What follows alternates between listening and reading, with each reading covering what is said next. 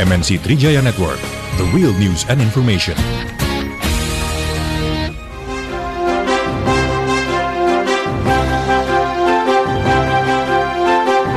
Trijaya Hot Topic Pagi.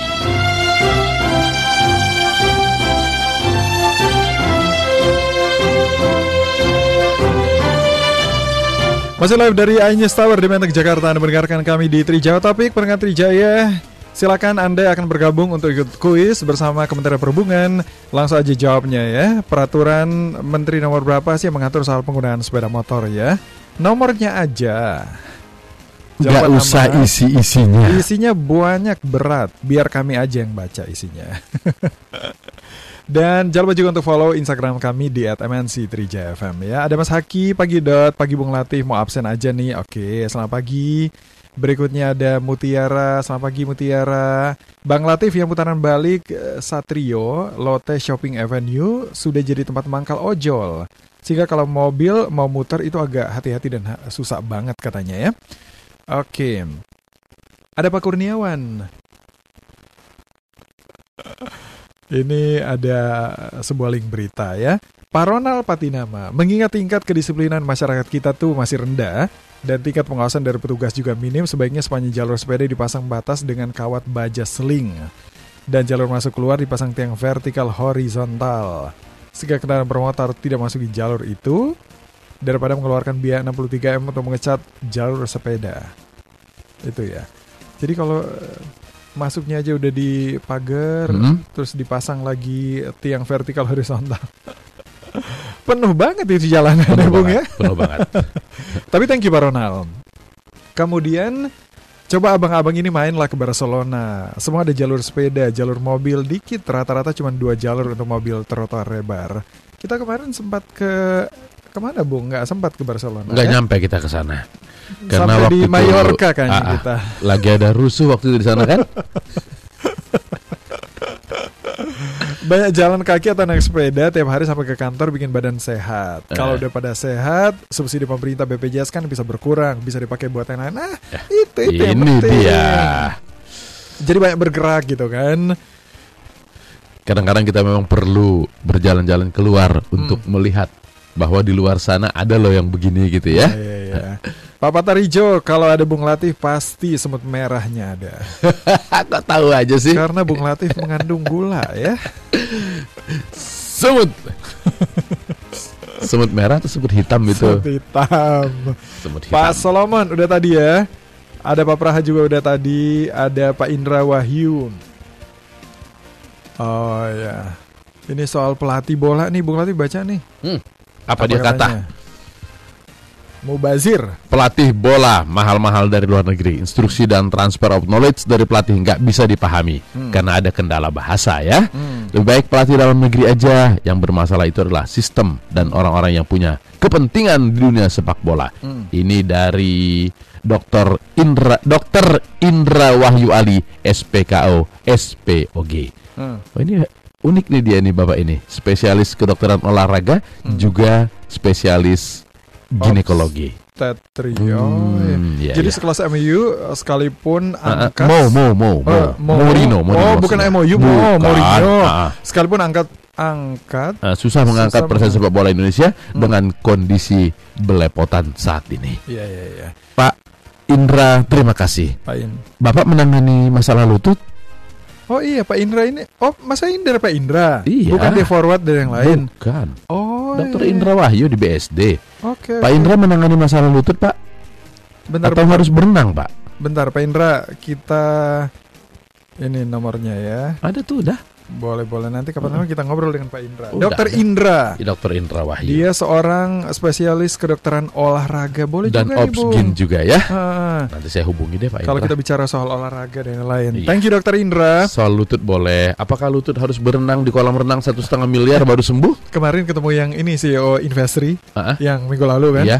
Pas abis talkshow bilang, eh bro, suka lari ya? Ah. "Ah, enggak. Kenapa? Kok badannya kayak pelari gitu? Oh, sedap. Oh, bukan main. Enggak, saya olahraga paling badminton itu Ah. kan seminggu sekali Ah. gitu kan. Kalau teman saya Bung Latif dia pelari. Terus dia bilang, "Wah, kalau badminton kan itu bahaya buat lutut katanya, katanya." Mungkin karena kan gerakannya ada lompat, Iya. lari, Hmm. mundur Hmm. gitu kan. Kalau lari kan nggak ada riwayatnya ya. Nggak ada. Kecuali di videonya. Iya. Bung Dan- Latif pernah nggak lari mundur? Eh, dan kalau lari kan kita yang mengatur sendiri. ah, Mau cepat, mau gimana gayanya. Kalau badminton ada yang mengatur kita, lawan main. lawan main. Kalau misalnya dan emosi dia kita. dan emosi. Betul. Kalau dia drop, kemudian dia lob kan kita harus lari pontang-panting. Oh, Kalau iya. lari nggak ada yang model begitu. Iya, betul juga ya. Betul Iya, juga ya Bung ya Latif ya. Makanya saya nggak mau badminton lagi. Oh, gitu. Walaupun saya dulu sampai prestasinya porda lah levelnya. Porda. Oper-operan sama Mbak Ida maksudnya. Oke, ada ini nih Bang Wesley Huta Galung. Kakak-kakak, jangan sampai pelatih timnas sepak bola kita duet dengan Poppy dan Sandra ya. Itu mereka bagian pijat aja ya. Selamat pagi Kang Gun Gun. Kang Gun Gun sedang mengarah ke area kantor kita. Dia nggak jalur sepedaan. Enggak, Enggak ya? dia lari. Eh, ini Pak Hidayat di Cilangkap. Yang nyinyir program jalan untuk sepeda mungkin dia terbukti sebagai masyarakat yang nggak sehat jiwa dan raganya. Kurangi nyinyir, banyakin, Banyakin olahraga. Itu dia. Kata Kang Gun Gun harus seimbang sebetulnya, bukan nyinyir. Eh. Jadi kalau pagi lari, nah hari Jumat dia ada acara nih buat Ah. anak-anak muda milenial yang mau memahami politik. Boleh. Silakan datang ke kampus Universitas Pancasila. Heeh. Di sana ada Kang Gun Gun, kemudian ada beberapa politisi yang muda dan jelita. Oh. Hehehe. Kalau kayak kita rakyat jelata boleh datang nggak? Ah ya. ya. Eh, MC-nya pasti teman kita kan? Siapa? Asari. Oke. Oh, udah ada jalur satu tamunya. Ini Oh, ada penghapusan IMB. dihapus atau dimudahkan atau gimana sih? IMB itu izin mendirikan bangunan. Dan juga AMDAL, kan? analisis Mengenai dampak, lingkungan. Benarkah demikian? dikeluarkan oleh Kementerian BPN dan ATR. Oke. Apakah memang seperti Kebalik, itu? ATR dan dan BPN. BPN. Oke. Sudah ada Menteri Agraria dan Tata Ruang Kepala BPN Pak Sofian Jalil. Selamat pagi Pak Sofian. Selamat pagi. Pagi. Pak Menteri. Dodi dan Latu di sini, Pak kabar? Baik sekali. Ini langsung rame ini katanya IMB kenapa dihapus sama AMDAL? Ada pertimbangan apa sih Pak Sofian? Ini mas, sekarang IMB itu ngurusnya rumitnya luar biasa. Mm-mm, Mahalnya nggak ketulungan kadang-kadang. mm-mm. Punglinya juga, aduh kadang-kadang itu ya, tentu tidak semua. Dan tidak ada eh, apa itu eh, kepastian. Itu kalau anda pernah ngurus IMB, itu pusingnya tujuh keliling, ya kan? Iya iya iya. Ah, sehingga banyak sekali komplain perusahaan mau bikin pabrik yang akan menciptakan lapangan kerja. Katakanlah masyarakat juga mau bikin warung, bikin apa namanya, eh, mau bikin eh, eh, properti katakanlah yang menciptakan lapangan kerja. Tapi ngurusnya setengah mati. Kemudian setelah ngurusnya rumit dan macam-macam, biasanya nggak dilaks, nggak dile- nggak di- ada yang ngawasin lagi Mm. akhirnya banyak orang mengatakan di MB jadi izin untuk melanggar. Kan? Izin melanggar bangunan. Bukan. Yang sini seperti itu. Lalu sebab itu pemerintah ini kan bagian dari reformasi, bagian dari eh, apa program Pak Jokowi, reformasi birokrasi, reformasi regulasi, memudahkan birokrasi apa memudahkan regulasi dan juga kita reform birokrasi. Salah satu adalah masalah IMB. IMB itu tujuannya untuk apa sih? Tujuan IMB kan untuk keselamatan, untuk kenyamanan, untuk ketertiban, Mhm. untuk segala hal-hal yang kita anggap ideal dan baik, ya kan? Kalau tujuan itu bisa kita capai dengan standar, standar yang kemudian harus dilaksanakan oleh siapa pun yang membangun, ya kan? Kemudian dilengkapi dengan pengawasan dan enforcement, Mm-mm. maka izin itu sim- simpel aja. Di negara-negara lain mereka bikin permit cuma melapor aja, ya kan? Tapi mereka sudah tahu ada standar bahwa harus begini, harus begini, harus begini, harus begini. Nanti pengawas bangunan, inspektur bangunan akan datang mengecek eh, satu apa seminggu sekali, dua minggu sekali. Kalau tidak sesuai dengan standar dibongkar bangunannya. Mm-mm. Jadi orang takut gitu loh. Jadi prosesnya mudah, ya kan? tetapi efektif. Jangan cuma ngurusnya lama, setelah jadi tidak ada yang peduli. Oke. Kenapa pilihannya menghapus Pak Sopian? Kenapa bukan memperbaiki sistem atau memudahkan mendapatkan uh, sertifikat IMB tersebut?